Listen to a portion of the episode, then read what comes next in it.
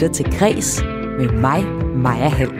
Tivoli Friheden er torsdag middag lukket efter en hændelse i rutsjebanen Kobraen. Det oplyser flere øjenvidner til TV2 Østjylland. Og det er en historie, vi ser nærmere på sidst i udsendelsen, hvor vi har en reporter på stedet. Men først i dagens udgave af Kulturmagasinet Kreds, der skal det handle om Kraks Blå Bog. Altså, jeg skal være helt ærlig og sige, at jeg faktisk ikke vidste, hvad det var, da de ringede. Den anmelderroste teaterdirektør Anna Malser, som vi hører her, er en af de 116 nye navne i Kraks Blå Bog, som udkommer i dag. Men øh, hun anede ikke, hvad det var, da folkene bag ringede for at bede om oplysninger til det biografiske opslagsværk.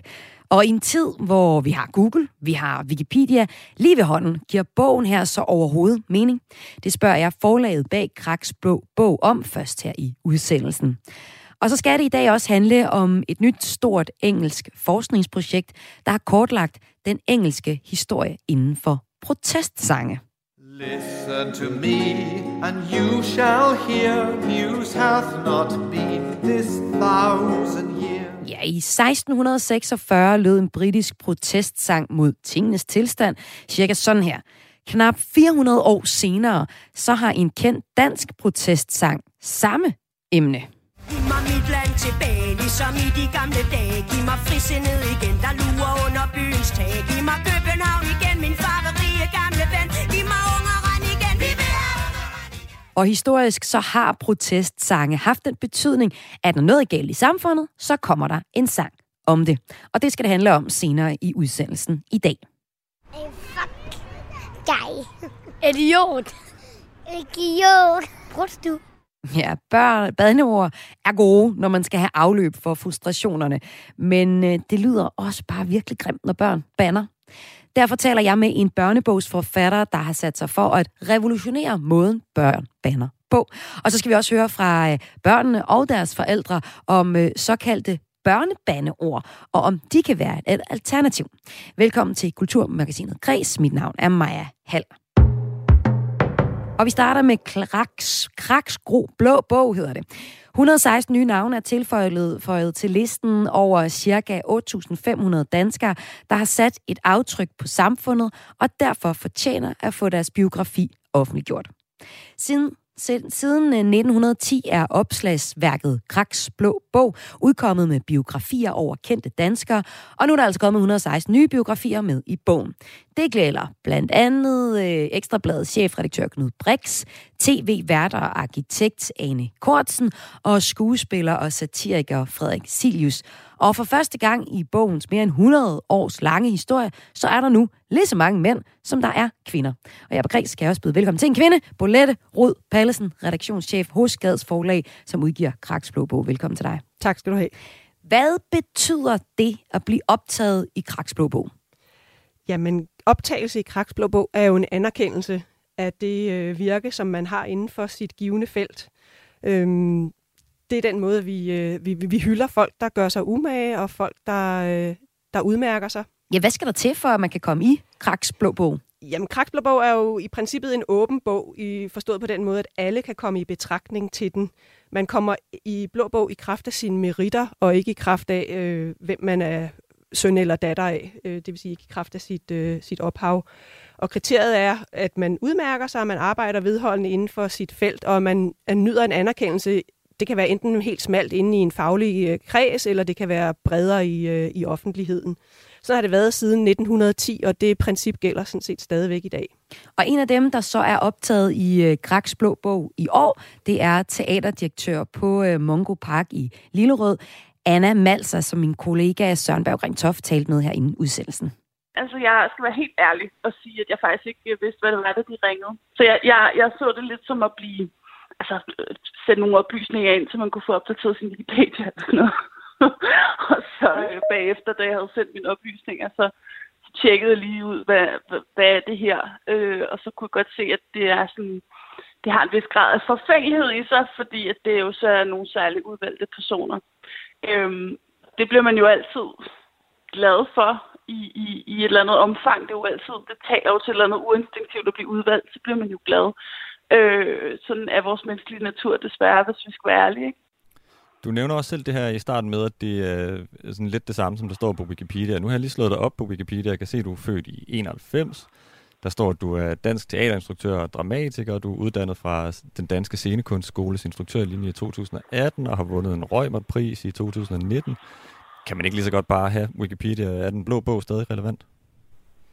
Altså det, som jeg tænker sådan, øhm, i forhold til, til netop det spørgsmål, er jo, at at der er jo rigtig mange sådan nogle slags opslag, som er blevet mindre relevant. Altså hvis du sammenligner det med en god, god gammeldags telefonbog, det er så måske lidt mere demokratisk bog, for der står alle jo. Men den har vi jo ikke brug for længere. Og vi har jo heller ikke brug for øh, en masse forskellige slags ordbøger og opslagsværker og sådan noget. Altså det er vel et opslagsværk, det kan vi godt kalde det. Øhm, fordi at vi bare kan google os til det, og vi, vi, vi ved os som, altså, som forbrugere ved vi godt, at... Øh, at forbrugere, eller nogen, der vil google et navn, ikke? Altså, så, så, så fører det ene, øh, det ene klik jo ofte til det andet, så, så jeg selv argumentet med, at man kunne måske opdage noget, man ikke kendte, det sådan, sådan, sådan fungerer algoritmer jo også. Så altså, måske har vi ikke brug for den længere. Bolette Rud Pallesen, øh, har vi brug for Kraksblå bog længere?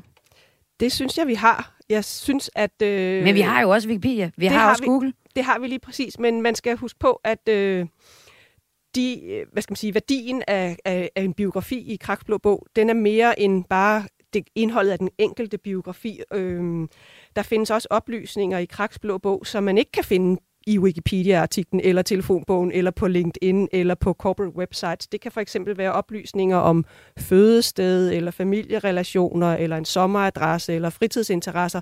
Altså oplysninger, som måske er med til at tegne et, et billede af, et mere helt billede af de biograferede personer. Og så synes jeg også, der er en væsentlig pointe i Blå Bog, at den, den netop er mere end indholdet af de enkelte biografier. Den er en kurateret buket af dedikerede, dygtige mennesker, øh, som kan være en inspiration for, for alle os andre. Øhm, den er også et stykke kulturhistorie, Kraks Blå Bog, og et vidnesbyrd om den sociale mobilitet, der er i det danske samfund, netop fordi man er der i kraft af sine meritter og sine egne bedrifter, og ikke i kraft af, hvem øh, der var ens mor eller far. Kraks Blå Bog, den øh, udkommer årligt og koster på abonnementsbasis lige knap 2.500. Hvem er det, der køber den? Det er en ret broget øh, målgruppe, vi har. Der er både folk, der bruger den i professionel sammenhæng. Øh, det kan være folk, der arbejder med navnestof i, i medievirksomheder. Det kan være på advokatkontorer, revisionsfirmaer, folk, der er interesseret i bare i navnestof generelt, øh, ud af en kulturel interesse for eksempel, eller slægtsforskere, som, øh, som bruger den som kilde. I årets udgave, så er det øh, første gang, at der er lige så mange mænd som kvinder på listen over nye navne. Og øh, det er en af de ting, som øh, gør øh, teaterdirektør Anna Malser særlig glad for at være med på listen over de nytilføjede til bogen, fortalte hun tidligere i dag.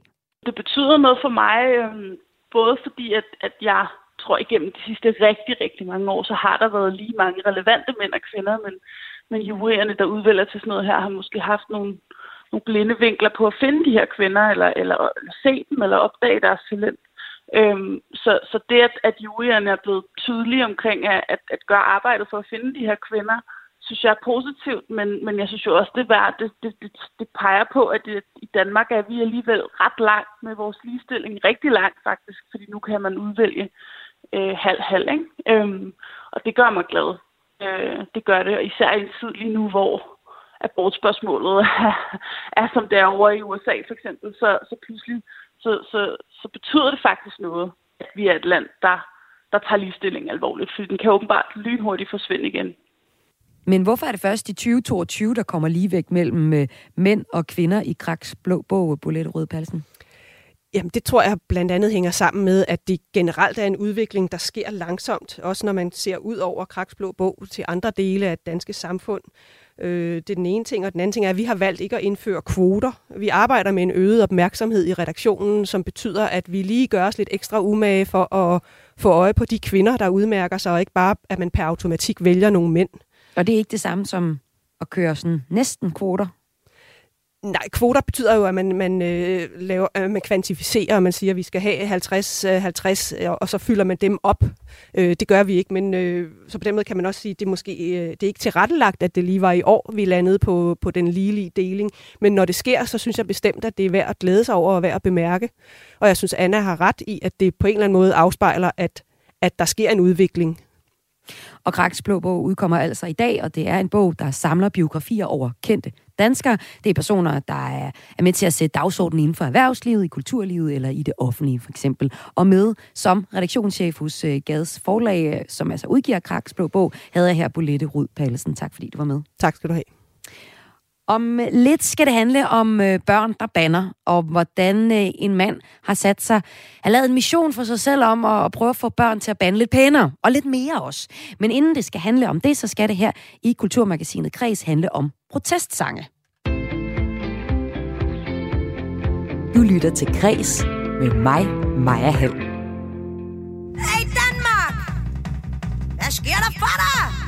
Jeg savner dig, jeg vil have dig tilbage Ligesom i de gamle dage, hvor en spage var en Jo, jeg vil have dig tilbage Ligesom i de gamle dage, hvor en fri fugl var fri Og hvor man mente, hvad man sagde. Hey Danmark!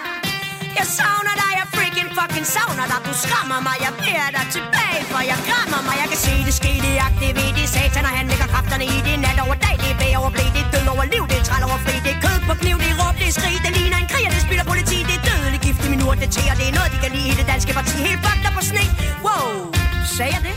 Ja, det sagde du. Det her, det er Natasha med nummeret Giv mig Danmark tilbage fra 2007. Og den pointe, altså den kritik, hun retter mod Dansk Folkeparti, øh, er ret vigtig. For protestsangen her handler om, at Dansk Folkeparti, øh, hvordan Danmark, Danmark har ændret sig, og er også en kritik af Dansk Folkeparti. Derfor forarvede det også produceren på sangen, farfar, at Dansk Folkeparti året efter sangen udkom, tillod sig at bruge nummeret i en kampagne mod tørklæder. Og øh, det her, det sker ofte med protestsange. De er effektive, og øh, der er rift om dem. I et nyt projekt, så har et hold britiske forskere kortlagt 750 uengelske protestsange, som er blevet skrevet for år 1600 og frem til i dag. En, der også har samlet protestsange, det er min næste gæst her i Kulturmagasinet Kres. Han hedder Henrik Marstal. Velkommen til dig. Tak for det. Du er lektor på Rytmisk Musikkonservatorie, og altså manden bag en opsamlings-CD, der hedder Protestsange.dk, som er en øh, genudgivelse af en række danske protestsange fra øh, 2006 og set fra. Hvilken betydning har det, at øh, Storbritannien her øh, kortlægger protestsange? Øhm, det har den betydning, at det gør os alle sammen opmærksom på, hvilken kulturhistorisk værdi, der ligger i at kunne lave protestsange, altså sange, som protestere mod noget, eller gøre opmærksom på en uh, uret i samfundet. Uh, og det tror jeg ligesom er, er noget, der faktisk er vigtigt. Jeg kunne ønske mig, at det samme skete herhjemme. Hvorfor? Fordi uh, at den kulturhistoriske værdi af at have sange, der, der, der, der kan bruges til at gøre opmærksom på uretfærdighed, at det er en, det er en, vigtig, det er en, det er en vigtig egenskab af sange, som vi nogle gange godt kan tendere til at glemme, fordi at mange sange jo handler om alt muligt andet. Og det, at der findes sange, som, som gør opmærksom på den her uret eller protest, protesterer mod øh, tingens tilstand, øh, de sange er altså også vigtige, og vi kan jo se i, i musikhistorien, hvor mange sange, der er beskrevet, der, der mm. har det her, det her aspekt, og derfor er det kulturhistoriske element, der er det vigtigt. Så jeg, jeg, jeg tænker, at, at øh, den her undersøgelse lavet i England, det er, det er vigtigt. Og øh, vi to, vi skal dykke ned i tre betydningsfulde protestsange øh, fra gennem tiden. Det er dig, der har udvalgt dem. Og vi skal også høre fra lektor i musikvidenskab ved Aarhus Universitet, Sten Korgård. Han vurderer, at hvis der er nogen, der mener, at der er noget galt i samfundet, eller der er noget, der skal laves om, så er der garanti for en protestsang. Protestsange øh, er typisk meget bundet til konkrete begivenheder. Så øh, når de opstår, så er det fordi der er, skal man sige, et akut behov. Øh, for eksempel, det kan være i forbindelse med krigshandlinger. Nogle af vores mest berømte øh, sådan historiske øh, protestsange øh, relaterer sig til Vietnamkrigen. Og øh, så, så sådan en konkret anledning som krig. Men det kan også være det øh, forhold, at øh, samfundsmæssigt, socialt, at der er nogle grupper, der bliver øh, undertrykt, som ikke har samme rettigheder som andre. Det kan handle om, om sorte, det kan handle om, om, om forskellige former for minoriteter. Det kan for den sags skyld handle om, om seksuelle øh, minoriteter også, som man ønsker at, at kæmpe for. Så hvis der er noget galt, så kommer der en protestsang, men Henrik Marstal, jeg kan ikke komme i tanke om nogle nye protestsange. Hvordan kan det være, at jeg ikke kan det? Altså, hvis du ikke kan det, så er det måske bare fordi, øh, at sangene ikke er kommet, kommet bredt nok ud. Altså, jeg tænker, at der faktisk er skrevet en del sange, som har det her protestsangs element. Øh, øh, efter 9-11 øh, i 2001, så øh, kom der jo en ny bølge af protestsange øh, i USA, som protesterede mod myndighedernes håndtering af, hele 9-11-fænomenet. Øh, der kom sange i Danmark, der, der protesterede. Der var i hele taget, kom der noget tilbage der. Øh, jeg vil sige, at der, findes, der er skrevet en del protestsange, også efter øh, Natasias øh, øh Gennem Danmark tilbage. Jeg kunne nævne Annika Ågiers sang øh, Plads nok fra 2016, som jo er en kritik af danskernes manglende evne til at være lidt mere rummelige i en tid, hvor der var en øh, global flygtningekrise, eller i hvert fald en stor flygtningekrise i Europa. Jeg kunne også nævne øh, Ulige Numres øh, Fritland, som jo er en sang, der handler lidt om det samme. Øh, og de to sange har jo altså en, en vis, øh, fylder i hvert fald en del, især den sidste Fritland, som jo er blevet optaget i den nye udgave af Højskolesangbogen. Så der er altså nogle sange, der rent faktisk gør noget der. Og det er jo nok også fordi, at jeg tænker, 60'erne, når jeg tænker protestsang. Jeg tænker noget med nogle barrikader og, øh, mm. og nogle råb i gaden, og også nogle slagsange, som de her sange bliver brugt til. Men du har fuldstændig ret i, at moderne popmusik har jo også et budskab, og også nogle gange et politisk budskab. Det er måske bare ikke, fordi de står, øh, at der står øh, ud med eksperti øh, i, i sangen. Altså, det kan godt være nogle, nogle blødere emner, men det handler stadig om, om politik. Men grund til, at jeg siger 60'erne, det er måske også fordi, at der er rigtig mange protestsange. Og du har taget øh, nogle sange med, som er særlig interessante fra protestsangshistorien. Altså nu går det her forskningsprojekt fra, øh, fra England jo så tilbage til sådan 1600-tallet. Vi tager mm. nyere mere øh, klassiske protestsange. Og øh, i 60'erne, der øh, er der et nummer, som for den, eller faktisk lige før 60'erne, der virkelig sætter gang i 60'ernes øh, protestsangs skrivning. Den hedder uh, Where Have All the Flowers Gone? Øh, det er Pete Seeger, og vi kan lige høre lidt af, af starten af nummeret her, og så høre, hvad det er for en protestsang, og hvorfor den blev så vigtig.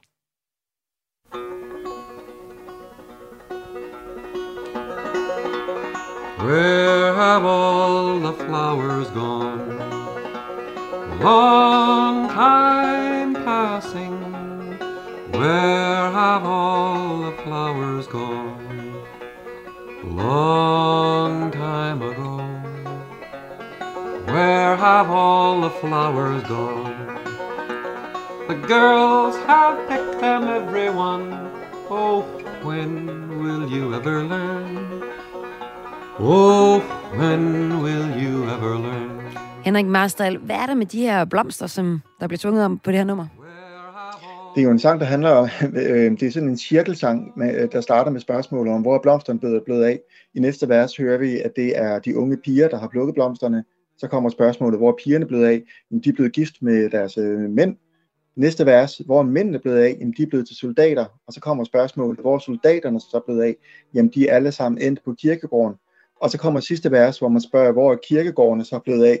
Jamen, de er blevet overdænget, overstrøget med blomster og så starter sangen sådan set forfra. Og det er jo sådan en, en cirkelsang, der derfor kan synges i en lang uendelighed. For mig at se, er den jo et billede på, på krigens evige, evige tilstedeværelse mm. i, mennesker, i menneskers uh, liv. At uh, krigen, uh, krig aldrig er noget, vi kommer helt af med, fordi menneskelig dumhed vil gøre, at uh, vi, vi bliver ved med at gå i krig, selvom vi burde lære af historien. Og uh, jeg synes, den er særlig uh, oplagt at tale om uh, lige nu her i dag, fordi øh, Pete Seeger faktisk øh, stødte på teksten til sangen øh, i en roman, han var ved at læse, Stille flyder Don, og øh, teksten øh, øh, er, er faktisk en ukrainsk folkesang. Øh, har lavede den lidt om, og lavede den også om til den her cirkelsang, jeg fortalte om. Men oprindeligt er det altså øh, tekst, der kommer fra en øh, ukrainsk folkesang. Så man kan sige, at lige i de her tider, hvor vi alle sammen sætter mange tanker til Ukraine, så er det ret pudsigt, at en af det 20. århundredes mest kendte, udbredte øh, og sungne og brugte for, øh, protestsange, er faktisk en sang, der udspringer af noget ukrainsk. Og så er det måske også dermed, at en, et kendetegn for en, en protestsang, at det er selvfølgelig, at der opstår, øh, at det er nogen, det, det er tit et forsvar for nogle svage i samfundet, og så jo også, at det er tit noget, der udspringer af krig. Ja, altså mange protestsange, og især i, øh, i, i 50'erne og 60'erne, havde jo krigstemaet som et gennemgående element, mm. og det er jo fordi, at Vietnamkrigen, som, øh, som Sten Korger Nielsen også sagde, øh, fyldte så meget, øh, og øh, protesten mod krig er et tema, som går igen i øh, utrolig mange øh, øh, protestsange i det hele taget. Og det gør det altså også her. Øhm, man skal også huske, at da Pitika skrev sangen, så havde han netop været igennem øh, hele, øh, hele øh, øh en masse afhøringer. Øh, McCarthyismen rasede jo i USA på det her tidspunkt, og det vil sige, at alle mennesker, der blev mistænkt for at bedrive en eller anden form for kommunistisk virksomhed, eller i hvert fald venstreorienteret virksomhed, de blev, øh, de blev afhørt om, hvad det var for noget. Øhm, Pitika oplevede, at han fik frataget retten til at hovedet optræde gennem en lang overrække efterfølgende. Så han skriver altså sangen på et tidspunkt, hvor han selv er blevet gjort til et offer for øh, en, en krigssituation, som jo altså ikke var en konkret krig, men altså var den kolde krig, der jo altså var meget, meget præsent i 50'ernes USA. Og øh, nu sagde jeg før, at en af kendetegnene ved en typisk protestsang er, at den øh, kan opstå øh, som... At den står op for de svage i samfundet, og det er jo faktisk ikke bare mig, der siger det. Det er øh, noget, som lektor i musikvidenskab Sten Korgård mener. Ofte er det jo netop sange, der tager, øh, hvad skal vi sige, de, de undertryktes parti, de nedtrådte, de udnyttede, de misbrugte, de magtesløse, øh, outsiderne, minoriteterne osv. Så, så, så på den måde, ja, så er det jo sange, der Øh, øh, i hvert fald prøver at, at gribe ud i, i, i hvad lige vil sige, i, i folkedybet, ud øh, og, og give stemme til de, som måske ikke har øh, en, en stemme i, i, i forvejen. Og der er det jo, den, den, den, som jeg sagde i gamle dage, den, den lille mand på gulvet er jo ofte øh, den, man, man øh, har som, øh, som samlefigur, øh, som er øh, en, en, en, som er op mod systemet, som en op mod de korrupte politikere eller diktatorerne for den sags skyld, som op mod kapitalismen, de store øh, kræfter og magter i samfundet, som er meget, meget, meget svært for den enkelte at gøre en forskel i forhold til. Og det er der, hvor, at sige det folkelige, fordi det er også det, mange kan se sig selv i. Altså det er jo så også protestsange, som man måske ikke lige selv er del af lige den minoritet osv. Så, videre. så kender alle, vi har jo alle situationer, hvor vi føler os fremmede, eller føler os som del af en minoritet. Øh, føler os selvfølgelig tiltalt af det, at der er nogen, der giver stemme til noget, vi øh, selv mener og, og tror på, og kan være en del af. Og øh, i 1965, tro det eller ej, der var øh, ungdomskulturen lidt af en minoritet. Det er i hvert fald også det, der er øh, omdrejningspunktet i det næste nummer, du har valgt her i Kulturmagasinet Kreds, hvor vi stiller fokus på øh, protestsange. Det er nemlig Cæsars nummer Storke Springvandet. En, øh, et nummer, der handler om en protest om, at, øh, at man kan have noget imod de unge. Et stort hit øh, for tiden. Hvis vi kan høre lidt af nummeret her. Jeg tror lige, den udgivelse, jeg har fået fat i, den driller lidt. Nej, der kommer den.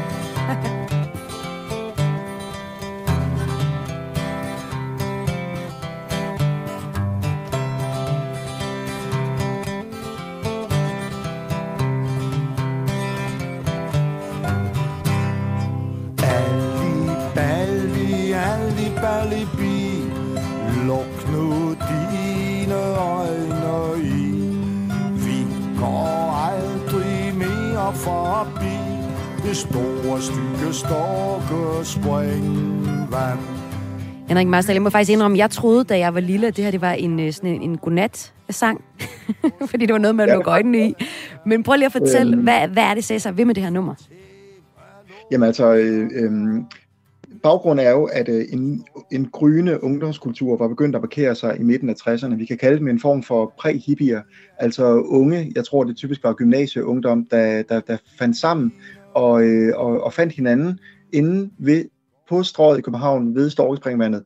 Øh, strået var jo blevet gågade øh, to år for inden i 1963, og den der gadekultur, der opstod der, gjorde jo også, at der pludselig var plads til, at man kunne sidde omkring det springvand. Der var ikke biler, der kom kørende og så videre. Man kunne simpelthen være der, og øhm, øh, de unge var med det samme uleset, ikke mindst af den handelsstandsforening, som drev strøgets øh, butiksvirksomhed. Øh, så det var en altså, konkret protest, protest mod, at der ikke var plads til dem? Altså, på, på, på, det, det, som sangen handler om, det er jo, at de her unge, der sidder her og finder sammen og er fuldstændig harmløse og bare hygger sig og hænger ud, øh, protesten øh, angår, at, øh, at det skulle være et problem. Øh, der var mange, der var efter de her unge. Øh, politiet kom nogle gange og ryddede storkespringvandet, fordi man mente, at de unge skulle ikke have lov at sidde her. Så Cæsars sang, den, øh, den, den gør opmærksom på, at de sidder der og spørger stiller sig spørgsmålet, hvad i verden er der egentlig galt med det? Måske skulle politiet øh, gå ud og, og, og gøre noget seriøst arbejde, i stedet for at rydde, fjerne de unge. Og så er det rigtigt, at sangen er en skotsk folkesang, som var blevet kendt i øh, sådan øh, skotsk og engelsk folkemusik nogle Ja, for det var jo faktisk en vuggevise, var det ikke det? Så det gav egentlig ja, mening, at jeg havde det sådan, da jeg var, var lille.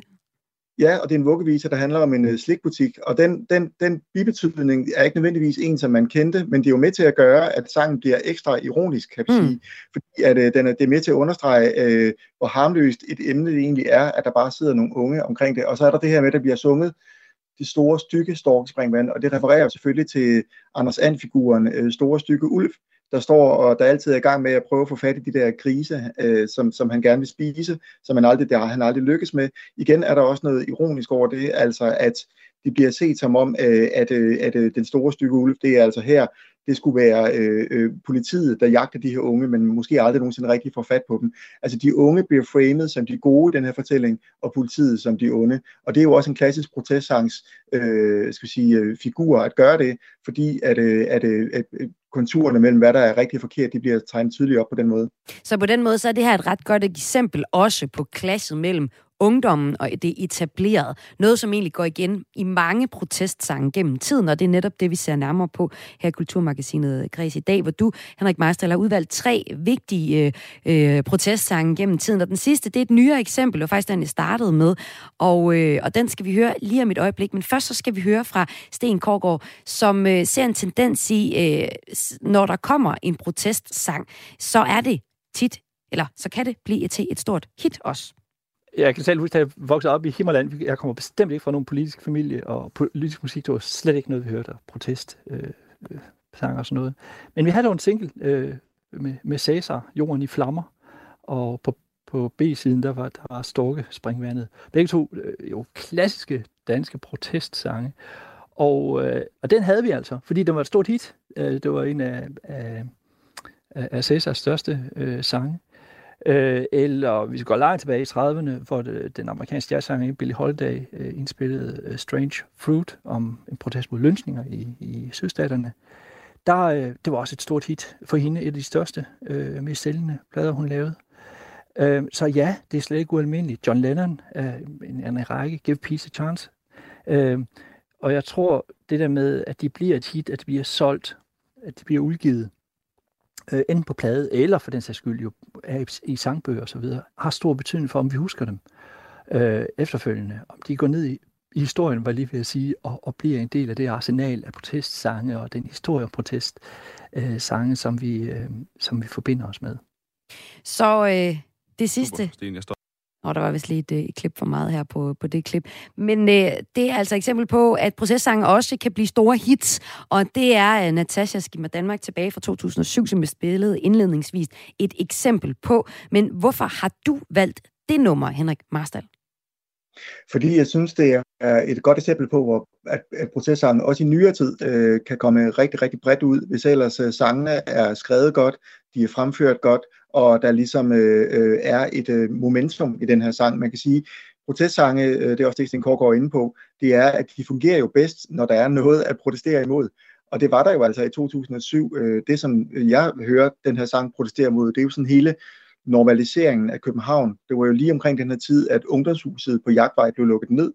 Det var lige omkring den her tid, at øh, man havde endnu et øh, forsøg på at få øh, Christiania normaliseret ved at øh, smide al hashandlen ud, og det var samtidig et tidspunkt, hvor sådan hele gentrificeringen af København var, var, var, var kommet meget langt. Så mange opdagede pludselig, hvor langt det var kommet. Det var en form for en nyliberal dagsorden, der, havde, der, der bestemte rigtig, rigtig meget. Og der var altså en, en, en modkultur eller en ungdomskultur. Nogle mennesker, der simpelthen ikke mente, at det her det, det, var, det, var, det var rigtigt.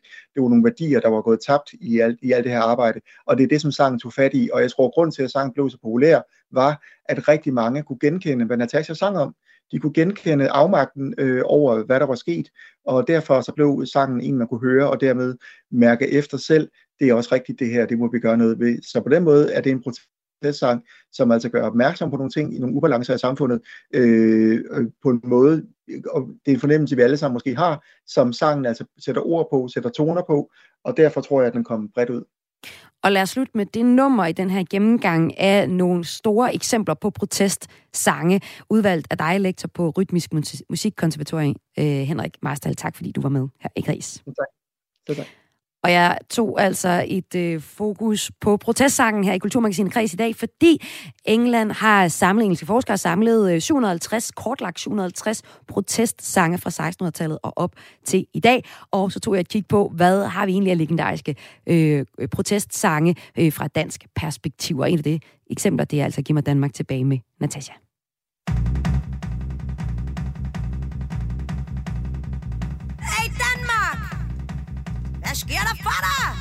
Jeg savner dig, jeg vil have dig tilbage Ligesom i de gamle dage, hvor en spage var en... Jo, jeg vil have dig tilbage ligesom i de gamle dage, hvor en fri fugl var fri, og hvor man mente, hvad man sagde. Hey, Danmark! Jeg savner dig, jeg freaking fucking savner dig. Du skræmmer mig, jeg beder dig tilbage, for jeg krammer mig. Jeg kan se det ske, det aktivere, det satan, og han lægger kræfterne i det nat over dag. Det er bag over blæ, det er død over liv, det er træl over fri, det er kød på kniv, det er råb, det er skrig, det ligner en sorte gift og det det er noget, de kan lide i det danske parti. Helt fucked på sne. Wow, sagde jeg det? Meget skal man høre, Gud bevare mit humør, så tag lidt luft. Kom til fornuft og prøv at fatte det At staden den var fin, og de vil aldrig kunne erstatte den Hele folket blev til grin fra den dag, da de besatte den Nu er det værre end det vilde vest, det kunne vi have fortalt dem så giver de ungdomshuset væk til en fanatisk sæk Med et kors i røven, hvor er det fræk Giv mig mit land tilbage, ligesom i de gamle dage. Giv mig frisindet igen, der lurer under byens tag. Giv mig København igen, min farverige gamle ven. Giv mig ungeren igen, vi vil have Du lytter til Græs med mig, Maja Hall. Jeg prøver virkelig her at lære dem ikke at gøre det, men det er meget svært. Det er kvinden her prøver at aflære sine børn, det er bandeord. Om lidt skal du møde en forfatter, der vil øh, gøre op med de traditionelle bandeord og få børn til at bruge alternativer, som for eksempel af for Zlatan, altså den svenske fodboldspiller. Og så taler jeg med en sprogforsker, som mener, at vi er hårdere over for børn, der banner, end over for voksne, der banner. Men først så skal vi lige have børnene til den mor, vi hørte indledningsvist. Min kollega Emil Mortensen har talt med dem. Jeg hedder Alfred Vingen Dullebæk. Hvor mange år er du? Han er tre. Tre. Og hvad hedder du? Hvor gammel er du? Jeg hedder Lauf, og jeg er 6 år.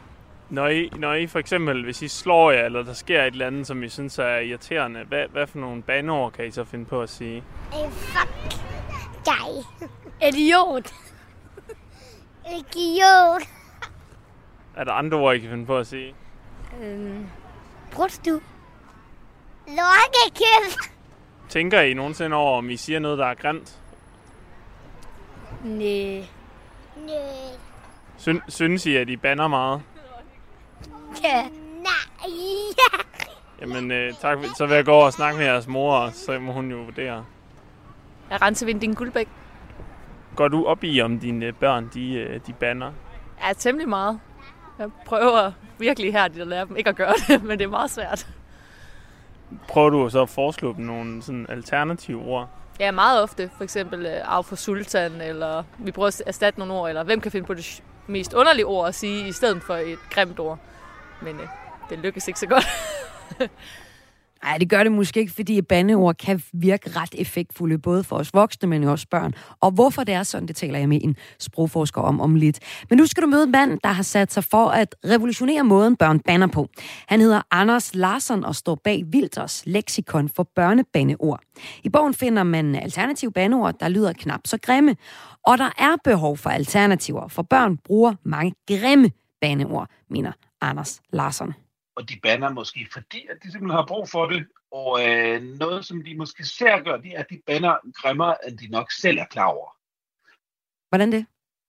Jamen, øh, jeg tror, mange af de ord, de bruger, der har de ikke rigtig styr på, hvor de endelig kommer fra, og hvad de betyder, og hvordan de opfatter sig modtageren. Hvis nu øh, der bliver brugt nogen luder eller fuck eller sådan noget over for en skolelærer eller nogen i børnehaven, nogen pædagog, så vil de jo opfattes meget, meget kraftigt, og de er jo højst sandsynligt ikke sådan ment fra barnets side. Så de bruger jo løs øh, af de ord, som de hører omkring sig, uden nødvendigvis at vide, hvor de kommer fra, og hvad de betyder for modtageren. Du har jo så øh, udgivet den her øh, bog sammen med Lars Henriksen, der hedder Vilders Leksikon for børnebandeord, hvor I øh, til dels opfinder helt nye børnebandeord, og så trækker nogle, nogle kendinge frem.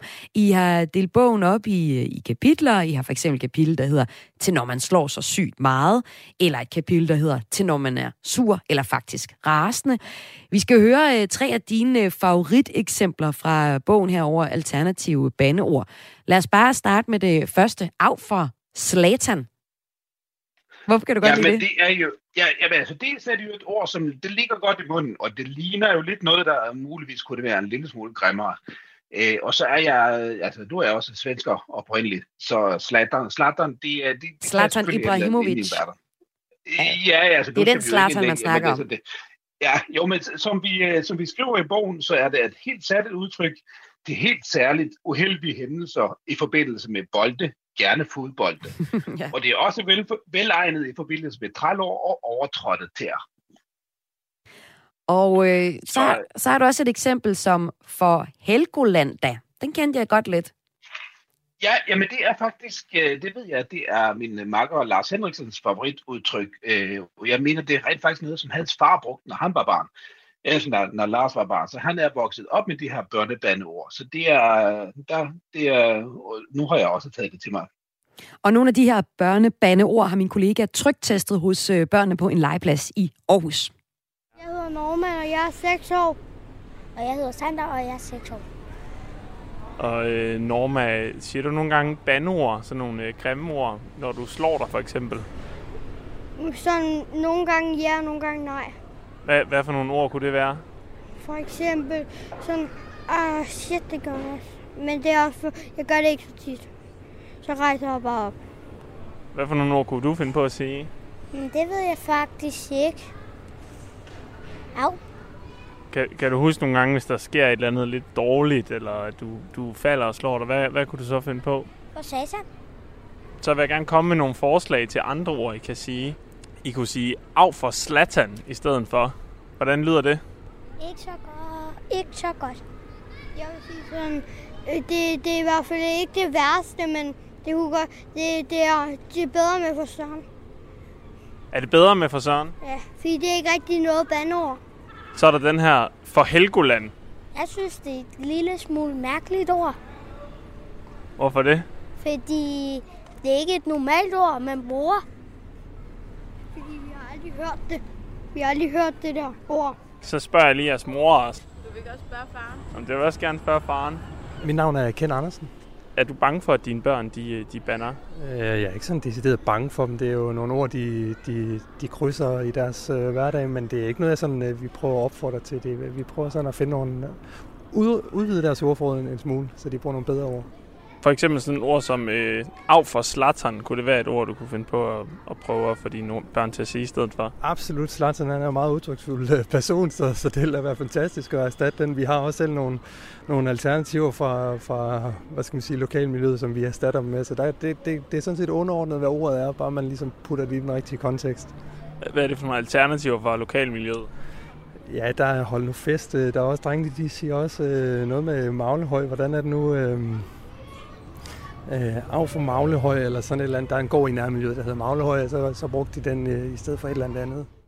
Det var min kollega Emil Mortensen, som fik trukket bandeordene ud af børnene her. For lige nu i Kulturmagasinet Kreds her på Radio 4 taler vi om børn og bandeord. Det gør vi, fordi Anders Larsson har sat sig for at revolutionere måden børn banner på. Han er forfatter, og han mener, at børn banner faktisk for lidt og gør det for grimt, når de først banner. I stedet for, at man nu smider en tallerken i væggen, eller begynder at slå på den vand, der er kommet til at skubbe ned i en vandpyt, så mener vi, at det er trods alt bedre bande. Hmm. Og hvis man så kan skifte de værste bandeord, faktisk gøre folk ked af det, ud med noget, der er lidt sjovere, som måske ovenikøbet er så sjovt, at man nærmest kommer til at grine af, at man lige har bandet, i stedet for at blive ved med at være sur, så mener vi, at vi har opnået noget. Men er det vigtigste ikke, når man er sur eller frustreret over noget, at man sætter nogle ord på, hvad det egentlig er, øh, der sker, i stedet for, at man bare øh, banner? Jo, men der, der, der kender du godt. Hvis du lige har hamret en øh, søm ind gennem dine fingre, ja, det var lidt voldsomt, men måske i hvert fald ramt dine fingre med hammeren, Ja. så tror jeg, at det, det første, du siger, det er nok ikke, nu skal du høre, jeg har, for, jeg har voldsomt ondt i mine fingre, fordi jeg er kommet til at slå på den. Jeg forventer, det går over inden for få minutter, men øh, du skal lige bære over med mig imens. Det, det er de færreste, der vil, der vil have øh, overskud til at sige den slags. Men der vil jeg Jeg bare ikke sige så vil jeg da bare gerne sige, have lov at sige, af for helvede da. Altså, det virker da meget mere effektfuldt, end at sige for Helgoland da. Altså, udvander vi ikke fuldstændig de gode gamle bandeord ved at, at komme med de her alternativer? Altså, nu, nu er det jo ikke sådan, at vi forventer, at vi kommer til at udrydde de gamle bandeord. Og det kan man jo så sige, at det ville heller ikke give- give mening, for hvis vi fik udryddet de gamle bandeord, og alle gik rundt og brugte Vildors børnebandeord fra i morgen af og resten af tiden, så vil de jo så overtage den samme rolle, og så har, er de jo måske ikke længere børnebandeord. Så bliver de de Ah, nye klart. grimme ord. Så vi har jo ikke rigtig en intention om at fjerne de andre ord. Vi, har, vi vil gerne give mulighed for øh, en valgmulighed, og vi vil også gerne bruge bogen, som, altså det er noget, som forældre kan læse højt for sine børn, så der kan blive reflekteret omkring tingene, og man kan få snakket om tingene. Og den der snak om, hvorfor skal man bande, hvorfor skal man ikke bande, hvornår skal man gøre det, det kan så kombineres med noget sjov højtlæsning, hvor både børn og voksne kan få lov til at grine lidt sammen. Lød det altså fra øh, forfatteren til bogen Vilders Lexikon for børnebandeord. Og øh, nu har jeg en ekspert i sprog og bandeord med her i Kulturmagasinet Kreds. Det er dig, Marianne Ratche. Velkommen til. Tak.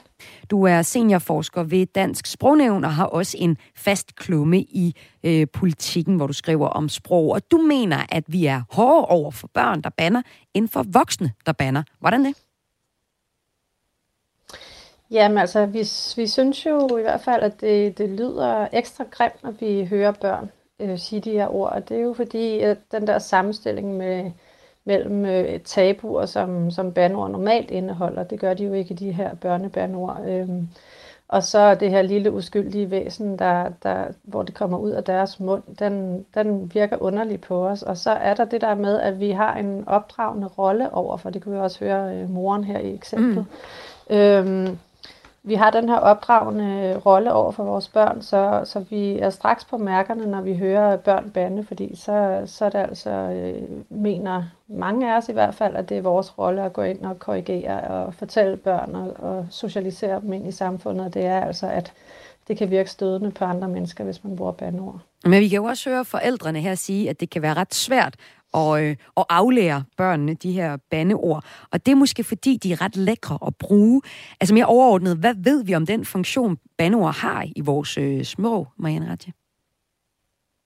Jamen, de er jo lækre at bruge, og derfor så kan man jo desværre øh, tvivle lidt på det her ellers øh, rigtig gode forslag, øh, forfatterne kommer med, fordi at, at de bandeord, de kommer med, jo ikke indeholder tabuer, og det viser alle undersøgelser. Det er jo det, der er så lækkert ved de her bandord, det er, at det faktisk virker, når man slår sig. Det er at, komme øh, med de her bandord, der, der er tabu i. Øh, men bandords funktion er jo, og de har jo funktioner, ellers ville vi ikke blive ved med at bruge dem. Det er øh, netop at, at komme af med noget vrede og nogle øh, holdninger, altså komme, øh, blive sådan en, en ventil for os. Øh, og så kan det være for eksempel at... Øh, at man puster sig op og ligesom gør sig selv farlig. Øh.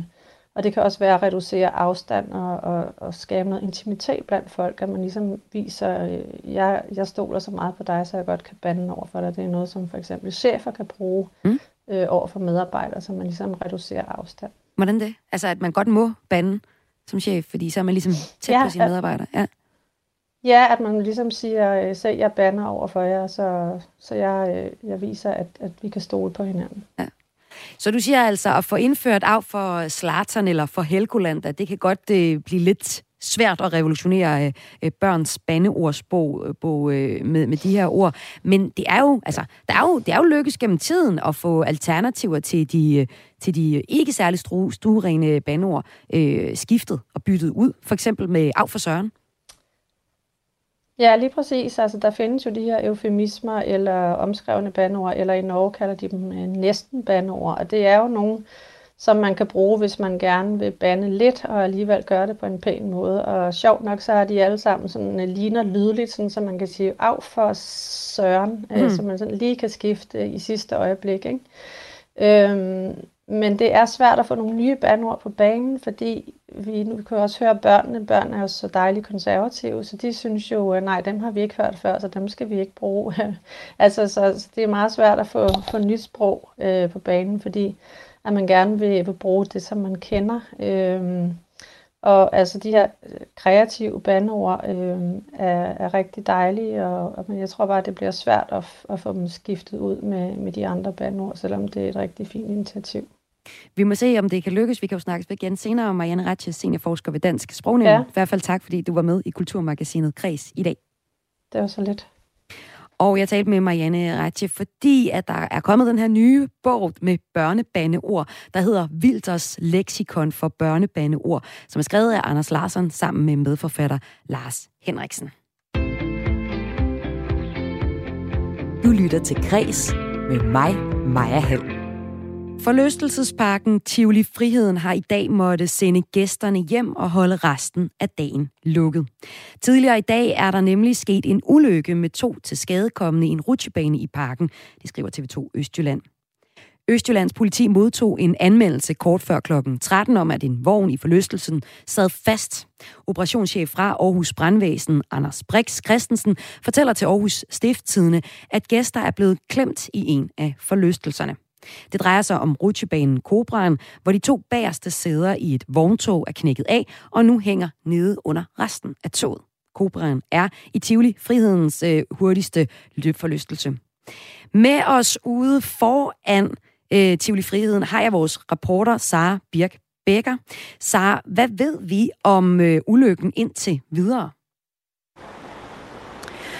Jamen, vi ved egentlig ikke så meget mere, end, øh, end hvad der er kommet frem. Altså, at der er til skadekommende, men vi ved ikke, hvor slemt de er kommet til skade endnu. Det skal myndighederne fortælle. Og du er jo så ude ved, ved ulykkestedet lige nu. Du er ved Tivoli Friheden i Aarhus. Hvordan ser der sådan ud lige nu? Jamen, der er faktisk stort set mennesketomt her ved Tivoli Friheden. Det store gitter er blevet kørt ned foran en porten. Det er simpelthen ikke til at komme derind, og der er slet ikke nogen mennesker derinde. Der er nogle medarbejdere, der en gang imellem går rundt, men ellers så kan man altså ikke se nogen. Og, og foran mig er der faktisk en, øh, en candyfloss, der er blevet smidt på jorden. Så det synes som om, at folk er, er kommet rimelig hurtigt afsted siden klokken 1, hvor forlystelsesparken altså blev, øh, blev lukket ned.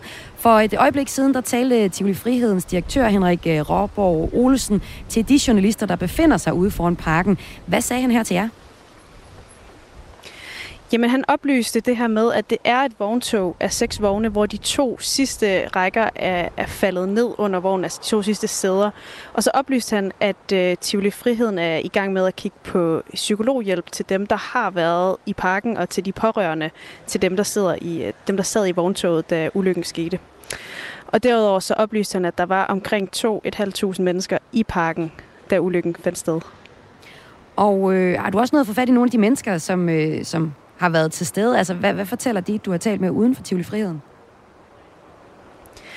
Jeg fangede kort en gruppe af mennesker, øh, der stod ude foran. De fleste var egentlig væk, da jeg ankom. Øh, jeg har ikke været her hele dagen. Men dem, der stod her, de fortalte, at de havde været her i over en time. Øh, og de er altså så småt også ved at tage væk nu, men de ventede på, at en bus skulle komme og hente dem. Så resten har faktisk forladt stedet, siden ulykken skete. Og hvor mange mennesker drejer det sig om, der, der skulle, øh, skulle øh, forlade stedet, da, da det her sker? Jamen det er så de måske 2.000 mennesker. Vi er i højsæsonen, så det er en af, en af de store dage her i Tivoli Friheden, så der har været mange mennesker i parken. Og hvis vi kigger tilbage i 2008, så var uh, samme forlystelse faktisk årsag til, at fire mennesker blev kvæstet, da en vogn faldt ned som følge af en konstruktionfejl i rutsjebanen. Men det er ikke noget, som vi endnu har hørt Tivoli Friheden forholde sig til, at, at det her det sker igen. Nej, der var lidt kommentar på, øh, på, at det også var sket igen fra den fremmødte presse, men øh, direktøren havde altså ikke lige øh, nogen kommentar til det endnu. De skal lige undersøge, hvad der er sket. Og, og for kort tid siden gik der også flere øh, politibetjente ind i parken, øh, som nok skulle ind og kigge. Han fortalte, øh, altså direktør øh, for Tivoli Friheden fortalte, at øh, Henrik Rangborg Olesen fortalte, at de ikke er færdige med undersøgelserne derinde endnu. Så det vi forventer, nu siger det, at politiet er på vej ind i Tivoli Friheden, at det vi forventer, der skal ske nu, det er, at, at, at øh, situationen skal undersøges. Vi ved vi noget om, hvornår øh, Tivoli åbner igen, Tivoli Friheden i Aarhus? Nej, det kunne direktør Henrik Gravborg Olesen ikke øh, fortælle noget om. Han siger bare, at de holder lukket resten af i dag, og, og at de ikke ved, hvornår de forventer at åbne igen. Tak skal du have, Sara Birk Becker, altså reporter fra Radio 4 til stede ved Tivoli Friheden i Aarhus. Og vi havde altså øh, Sara ude ved øh, Tivoli Friheden i Aarhus, fordi det i dag er blevet, øh, Tivoli Friheden i dag er blevet øh, lukket ned. Øh, de har måttet lukke øh, hele parken og sende gæsterne hjem og holde det lukket resten af dagen, fordi der tidligere i dag er sket en ulykke med to til skadekommende i en rutsjebane i parken. Det skriver TV2 Østjylland. Og øh, ifølge operationschef for Østjyllands brandvæsen, Anders Brix Christensen, så er der tale om en alvorlig ulykke. Han oplyser, at de tre personer, der er blevet, øh, som er involveret i ulykken her, er blevet kørt på hospitalet. Det her, det var øh, Kulturmagasinet kreds for i dag. Det er en udsendelse, hvor vi blandt andet har stillet skarp på Kraks Blå Bog, der udkommer i dag. Men hvad er Kraks Blå Bog egentlig, og har det overhovedet nogen berettelse? En af dem, der er nu er med i Kraks Blå Bog, det er teaterdirektør Anna Malser, som ikke anede, hvad det var, dengang hun blev ringet op og spurgt om nogle, øh, noget fakta, så hun kunne komme med i bogen. Det indslag, det kunne du høre i starten af udsendelsen, og hvis du ikke det med, så kan du finde programmet som øh, podcast. I udsendelsen i dag, så har det også handlet om protestsange. Og lad os da slutte udsendelsen i dag af med en protestsang. Vi talte en uh, hel del om øh, uh, Natashas Gimmer Danmark tilbage, som et uh, eksempel, meget klassisk, eller vil sige, et, et eksempel, et moderne eksempel på en klassisk uh, uh, protestsang. Og lad os uh, slutte udsendelsen med at høre Natasha Gimmer Danmark tilbage. Det kommer her i Radio 4.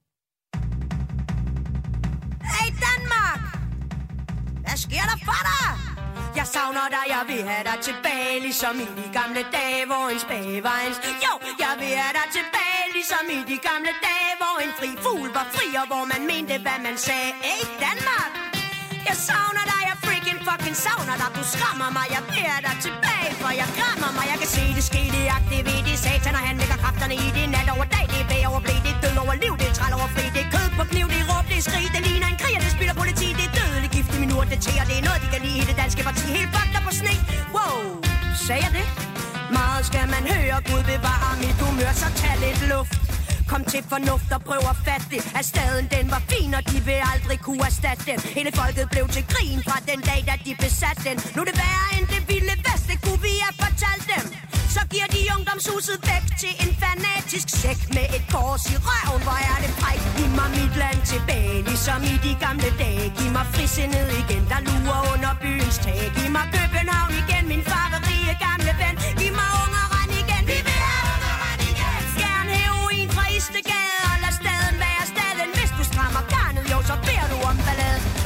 Det er det snik, det er tom retorik Det er ikke politik, det er pisser polemik. Her kører det fedt, så vi keder os lidt. Vi har indsigt, hvad med et ulandskig Gjort kloden er slidt, børn er falit Tro mig, i Danmark, der har vi det fint Så ufatteligt godt, at det er vores pligt Og gøre noget fra der, hvor det er skidt. Verden er vores fremtid, men vi fatter det ikke. Vi har for travlt med at forbruge vores egen butik. Så giv mig Danmark tilbage Ligesom i de gamle dage. Giv mig frisindet igen, der lurer under byens tag. Giv mig København igen, min farverige gamle ven.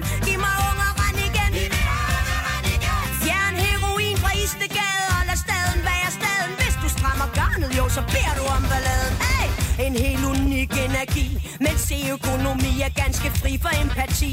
Har ingen bli Exibier, skabsryger Der vælger at 10 Kom nu i gang, I har vist noget I skal sige. Rød vin og piller Hele fucking landet. Chiller Ungdommen bliver vildere. Flere og flere sniffer, sniffer Kokain fra Kapuren til Berlin. Jo, et junkfrit røgmarked er en rimelig sjælden ting. Men vi havde lidt Meget skal man høre. Gud bevare mit humør. Tror de selv, byen tør Se toppen fatter ikke en dør af, hvad de gør. Sådan vil det være, sådan har det altid været før. Hey! Det sprog, de taler, hedder kroner og øre. Og en grådig mand har aldrig været svær at forføre. Til grådighed går hånd i hånd med magt og større Vil have større, mere vil have mere. Staten er jo helt op og gør, tag lidt Kom til fornuft og prøv at fatte det At Danmark har det fint, og USA kan ikke erstatte det. Giv mig ungeren igen, vi vil have ungeren igen. Giv mig København igen, min farverige gamle ven. Giv mig frisindet igen, vi vil have frisindet igen. Giv mig Danmark tilbage, ligesom i de gamle dage. Få det styr på Istegade, og lad staden være staden. Hvis du strammer garnet, jo, så kvæler du jo barnet. Savner dig, jeg vil have dig tilbage, ligesom i de gamle dage.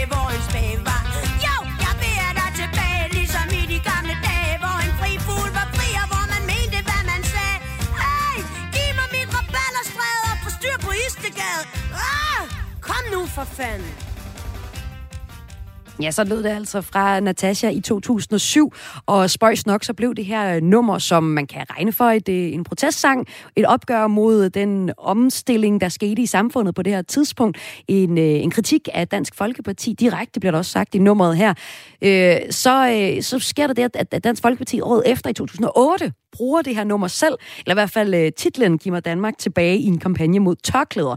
Det blev de ret trætte af, nogle af dem, der havde produceret øh, nummeret, og rettet altså en kritik af det tilbage. Protestsangen har altid været effektfulde lige nu, så har man i øh, England øh, lavet en gennemgang, øh, en opsamling af de 750 største protestsange i øh, landets historie, og det gav også anledning her i Kulturmagasinet Kreds til at se nærmere på protestsangen og nogle af de bedste eksempler på protestsang. Det gjorde jeg sammen med blandt andet Henrik Marstal, der er lektor i, øh, på Rytmisk Musikkonservatorium. Og i udsendelsen i dag, så handlede det også om børnebaneord, om at øh, det kan være, man skal prøve at få sine børn til at sige af for Slatan, i stedet for af for Satan.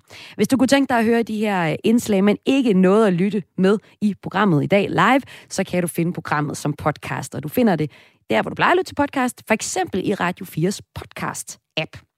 Det her, det var Kulturmagasinet fra i dag, tilrettelagt af Søren Berggring Toft og Esben Lund, og jeg har været din vært de sidste 55 minutter. Mit navn er Maja Hall, og jeg giver nu øh, stokken videre til øh, først nyhederne, og efter det, så øh, får du i eftermiddagsprogrammet Missionen her på Radio 4. Ha' en rigtig fornøjelig eftermiddag derude.